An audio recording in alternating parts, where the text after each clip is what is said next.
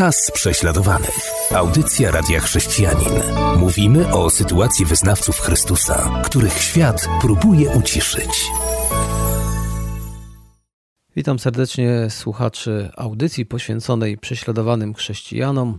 Witam również Macieja. Witam naszych słuchaczy, witam Ciebie, Robercie. Kontynuujemy wędrówkę po krajach podsowieckich Azji Środkowej. Dzisiaj docieramy do jakiego? Do Turkmenistanu. Powiedz nam parę słów, co to za kraj, ile tam ludzi mieszka, bo z tego co wiem, to chyba nie jest za ogromny. No, powierzchniowo jest ponad półtora raza większy niż Polska, natomiast jeśli chodzi o ludność, to nieco ponad 6 milionów, zatem kraj nie jest zbyt, zbyt ludny, gęstość zaludnienia oczywiście nie jest wysoka ma bardzo moim zdaniem strategiczne położenie, bo graniczy, no z punktu widzenia choćby działalności misyjnej, bo graniczy zarówno z Afganistanem, jak i Iranem. Ci, którzy trochę wiedzą o misjach, to myślę, że nie muszę im nic więcej tutaj dodawać. On należy, tak jak już wspomniałeś, do, do grona pięciu państw właśnie w Azji Środkowej, które wywodzą się bezpośrednio ze Związku Radzieckiego, z byłych republik. I dla przypomnienia, wszystkie te kraje łączą pewne cechy, mają ze sobą wiele wspólnego. Otóż przede wszystkim zachowały się tam postsowieckie struktury władzy i aparatu bezpieczeństwa, a Turkmenistan to jest wręcz przykład książkowy tego procesu. Rządy autorytarne oczywiście tam są. Dominuje islam, choć taki bardziej kulturowy islam, bo wszystkie te rządy, właściwie generalnie rzecz biorąc, można powiedzieć świeckie w rozumieniu takim europejskim, one sprzyjają takiemu umiarkowanemu kulturowemu islamowi, żeby wokół tego zjednoczyć społeczeństwo, ale są bardzo przeciwni ekstremizmowi islamskiemu. Co za tym idzie, są również przeciwni chrześcijaństwu ewangelicznemu, protestanckiemu z racji powiązania tego nurtu chrześcijaństwa z Zachodem i chrześcijanie spotykają się tam z rozlicznymi ograniczeniami i prześladowaniami.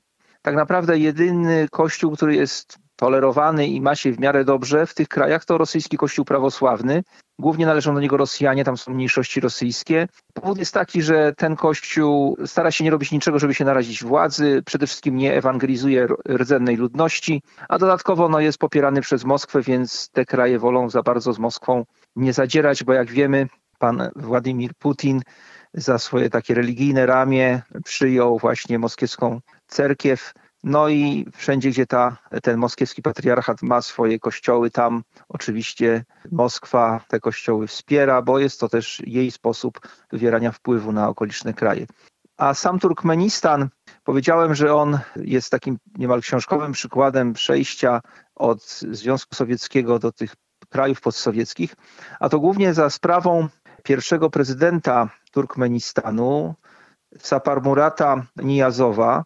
Otóż e, ten pan przed upadkiem Związku Sowieckiego należał do komunistycznej partii Związku Radzieckiego i gdy Turkmenistan uzyskał niepodległość po rozpadzie Związku Radzieckiego, komunistyczna partia Turkmeńskiej Socjalistycznej Republiki Radzieckiej została przekształcona w Demokratyczną Partię Turkmenistanu jako jedyna partia, która działała, po prostu wypromowała na prezydenta właśnie pana Nijazowa i to niczym nie różniło się od wielu innych krajów. Natomiast pan Nijazow poszedł dalej niż wielu innych autorytarnych przywódców. On między innymi ogłosił się w 1993 roku Turkmen Baszą, czyli ojcem wszystkich Turkmenów. W 1999 roku uznano go za dożywotniego prezydenta a w 2001 roku zaczęła ukazywać się jego książka pod tytułem Ruchnama. To była jakby jego autobiografia i też trochę fikcji historycznej i trochę duchowego przewodnika właśnie dla Turkmenów na bazie islamu.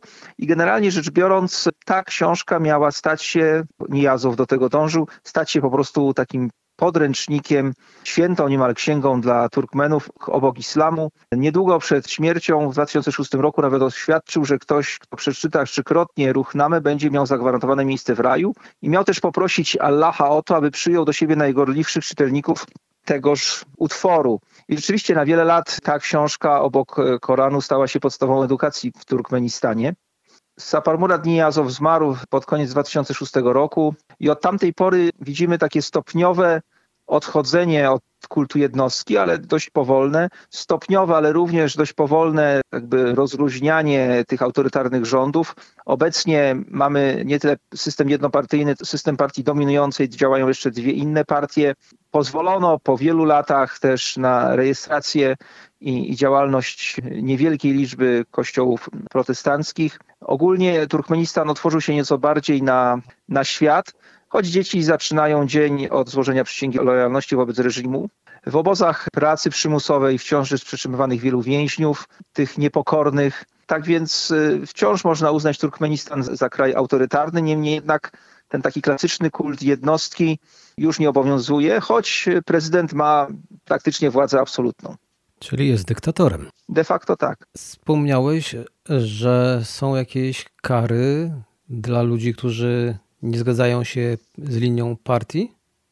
No tak, tak. No tutaj obowiązuje, w Turkmenistanie obowiązuje po prostu lojalność wobec władzy i tak jak w każdym tego typu postsowieckim systemie autorytarnym, przeciwnicy polityczni są represjonowani.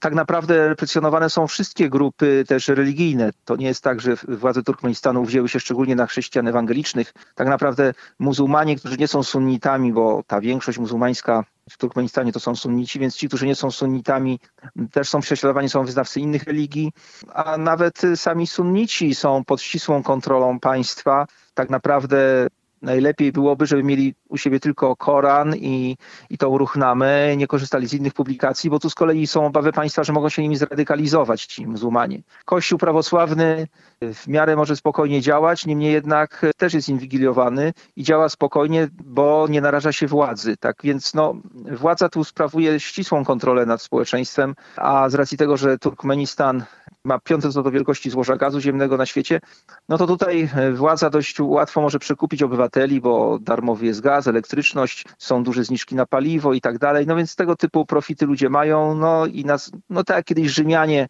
sprawowali władzę, że na zasadzie chleba i igrzysk, no to tutaj podobnie, tak? Gaz, prąd, benzyna i siedźcie cicho. Za chwilę przejdziemy do części drugiej. Chciałbym, abyś nam powiedział, jak chrześcijanie tam żyją. Ale jest taka ciekawostka. Dzieci ponoć tam bardzo dziwnie rozpoczynają zajęcia w szkole. Możesz o tym jeszcze tak, dwa tak. zdania? Wspominałem już o tym, no po prostu ślubują lojalność wobec, wobec władzy. No typowo takie postsowieckie metody. Bo to mi przypomina, że kiedyś w Polsce no, było coś podobnego. Apele i takie inne odśpiewywanie różnych patriotycznych, komunistycznych pieśni. Tak, tak, no bo to jest, to jest ten sam system. No musimy sobie to uświadomić, że to, co widzimy generalnie rzecz biorąc teraz w krajach postsowieckich, nie licząc krajów bałtyckich, które się uwolniły skutecznie od Związku Sowieckiego, są w NATO, są w Unii Europejskiej, więc tam jest to wygląda inaczej.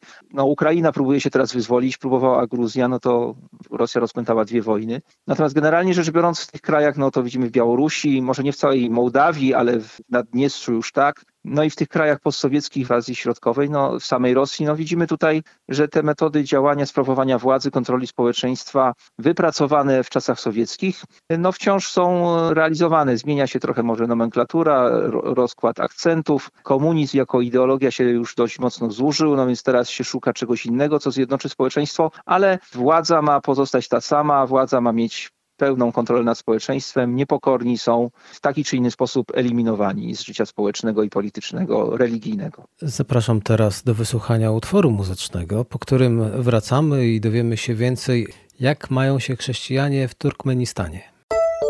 Czas prześladowany. Audycja Radia Chrześcijanin. Witam po przerwie. Mówimy o Turkmenistanie. Doszliśmy do tego momentu, aby móc się więcej dowiedzieć, jak żyje się chrześcijanom w tym kraju, w którym już powiedzieliśmy wcześniej jest dyktatura.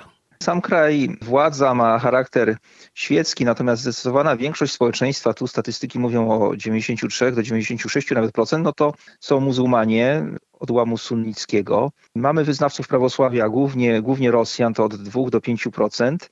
Jest też dość sporo agnostyków i ateistów, głównie w stolicy Aszchabadzie. To jest oczywiście efekt 70-letniej indoktrynacji sowieckiej. No i chrześcijan ewangelicznych, protestanckich szacuje się to na kilkadziesiąt tysięcy, 67 tysięcy, jakby ich zebrać razem wszystkich. Samych chrześcijan wśród rodowitych Turkmenów nie ma tak wielu, bo, bo pamiętajmy, że tam jest też mniejszość rosyjska. Natomiast wśród samych Turkmenów, według dostępnych informacji, gdy Turkmenistan uzyskiwał niepodległość w 1991 roku, to odnotowywano może kilku ludzi wierzących w Chrystusa. Obecnie wedle różnych szacunków mówi się o 1500-2000 Turkmenów mieszkających w Turkmenistanie, którzy są wyznawcami Chrystusa. Gdy myślę w ogóle o naszych braciach i siostrach w Turkmenistanie, o tym, jak tam naprawdę na każdym kroku jest ciężko być wyznawcą Chrystusa, jak bardzo ciężko jest y, głosić też Ewangelię, bo to może być dla nas zaskoczeniem, dla, dla rodowitych Turkmenów chrześcijaństwo jest religią rosyjską, a Jezus Bogiem rosyjskim. Tak? Oni tak to postrzegają. Ewentualnie o teraz, jak jakieś misje tam do, zaczęły docierać po upadku Związku Sowieckiego, no to jeszcze Jezus jest Bogiem amerykańskim czy krajów zachodnich. No, to jest już popularny pogląd w wielu krajach w Azji, ale akurat Turkmeni postrzegają Jezusa jako Boga rosyjskiego. I naprawdę nie jest tam łatwo wyznawać wiarę w Chrystusa, no bo reżim państwa jest bardzo opresyjne, kontroluje każdy ruch, a dodatkowo no, samo społeczeństwo nie jest otwarte na, na Ewangelię. Wyznaje taki ludowy islam, ale jak przychodzi co do czego i ktoś próbuje się tutaj nawrócić, wyłamać, to presja i ze strony społeczeństwa, i ze strony władzy jest, jest bardzo duża. Tak? Chrześcijanie są inwigilowani, nakładane są na nich grzywny, i tak dalej, i tak dalej. I gdy tak myślę o naszych braciach i siostrach w Turkmenistanie, to przychodzi mi na myśl werset z listu do Hebrajczyków z rozdziału 10, wersetu 36, który myślę odzwierciedla ich życie, a też niech będzie dla nas zachętą w naszej służbie, w naszym życiu. Oto te słowa. Potrzeba wam wytrwałości, abyście po wypełnieniu woli Boga dostąpili spełnienia obietnicy. I tu zdecydowanie ten werset ma zastosowanie w Turkmenistanie, bo jeśli mamy się modlić o coś dla naszych braci i sióstr w Turkmenistanie, to właśnie o wytrwałość, o wytrwałość w takim codziennym mozole, w codziennym radzeniu sobie z rozlicznymi przeciwnościami, z ryzykiem grzywny, z ryzykiem nalotu na spotkanie, nawet działające oficjalnie, z ryzykiem rewizji w domu, z ryzykiem konfiskaty literatury chrześcijańskiej. Może nie są to krwawe prześladowania, nie, nie ma masowych mordów, niemniej jednak jest ciągłe nękanie, ciągła presja, też na dzieci w szkołach jest wywierana presja, żeby poprzez presję na dzieci zmusić rodziców do powrotu do islamu. Tak jak w każdym kraju islamskim konwertyci są w szczególnie trudnym położeniu zwłaszcza wobec pastorów może być zastosowane więzienie pod oczywiście często fałszywymi zarzutami niezwiązanymi z kwestią religijną, tak jak to miało miejsce w przypadku pastora Ilmurada Nuruliewa. W 2010 roku został skazany na 4 lata za to, że rzekomo wyłudzał pieniądze od członków zboru, co oczywiście było kłamstwem, ustawką służby bezpieczeństwa. No, wyszedł na wolność w amnestii po niecałych dwóch latach. W takich realiach, w takiej rzeczywistości żyją chrześcijanie w Turkmenistanie. I tak naprawdę nie, nie są pewni jutra, choćby z powodu prawa, które obowiązuje w Turkmenistanie, mianowicie, że grupy religijne muszą rejestrować się co trzy lata, czyli trzy lata działamy, rejestracja się kończy, tracimy prawa, jeśli nie zostaniemy zarejestrowani ponownie, a jak się można domyślić, taka rejestracja jest bardzo skomplikowana i czasochłonna. Tak więc no, w ten sposób dosyć łatwo jest kontrolować, kontrolować społeczeństwo, kontrolować chrześcijaństwo. No i w związku z tym no, wielu chrześcijan spotyka się w niezarejestrowanych wspólnotach. Wspomniałeś o literaturze chrześcijańskiej, której nie wolno tam mieć. To chyba dobrze, że jest dostęp przez internet do wielu treści chrześcijańskich, bo tutaj byłoby już rzeczywiście ciężko. Ponoć też i Biblię w swoim języku mają, no ale też jak wiemy, nie można jej posiadać tak? Tak, no tak naprawdę to najlepiej, żeby w domach ludzi był Koran, no i ta, ta słynna książka byłego już nieżyjącego prezydenta Ruchnama. No tu, tak jak w każdym autorytarnym kraju, chodzi po prostu o rząd dusz, o kontrolę każdej myśli człowieka. To taka dygresja. Są chrześcijanie chyba jeszcze, którzy uważają internet za coś, co jest diabelskie, ale tutaj na tym przykładzie możemy pokazać, że są chrześcijanie, którzy nie mogą mieć fizycznie Biblii i nie mogą mieć fizycznie literatury chrześcijańskiej. I takim to naszym braciom i siostrom pozostaje dostęp do tych rzeczy, które są dostępne w internecie. No tak. Tych, którzy mają wątpliwości, czym jest internet, ja bym zachęcił do postrzegania internetu po prostu jako kolejnego narzędzia, które pojawiło się na tej ziemi. Kiedyś pojawiła się siekiera. I nikt z nas nie myśli o tym, że siekiera jest czymś diabelskim, chociaż przecież siekierą można rozłupać komuś głowę i to dość skutecznie i na trwałe, tak?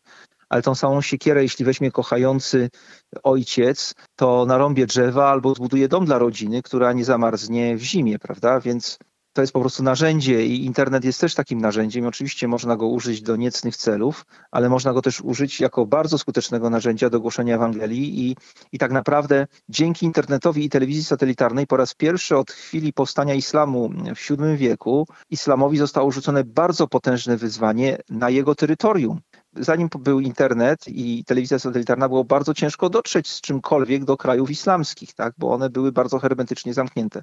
Natomiast teraz y, poprzez internet i telewizję satelitarną Ewangelia rozchodzi się po świecie islamu z ogromną siłą i jest wiele ognisk przebudzenia wśród muzułmanów właśnie dzięki tym narzędziom. Także pamiętajmy o tym, że narzędzie z narzędziem. Chodzi o to, kto je trzyma i kto go używa i w jakim celu. I tu taki króciutki apel, drodzy bracia i siostry, jeżeli coś piszecie, udostępniacie w internecie, miejcie na uwadze, że inni będą to czytać i teraz, czy to będzie dla nich błogosławieństwem, czy wręcz czymś odwrotnym.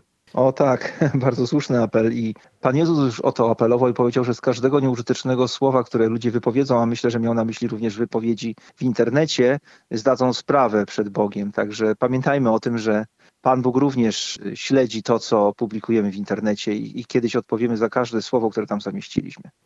I tymi to słowami o tym, że i my możemy mieć swój wkład w mediach społecznościowych, w internecie, w telewizji, w radiu, aby nieść Ewangelię na cały świat, kończymy naszą dzisiejszą audycję poświęconą Turkmenistanowi. Tak, ja również bardzo dziękuję za uwagę i w imieniu głosu prześladowanych chrześcijan życzę wszystkim wielu Bożych błogosławieństw. Do usłyszenia. Do usłyszenia. Była to audycja Czas prześladowanych.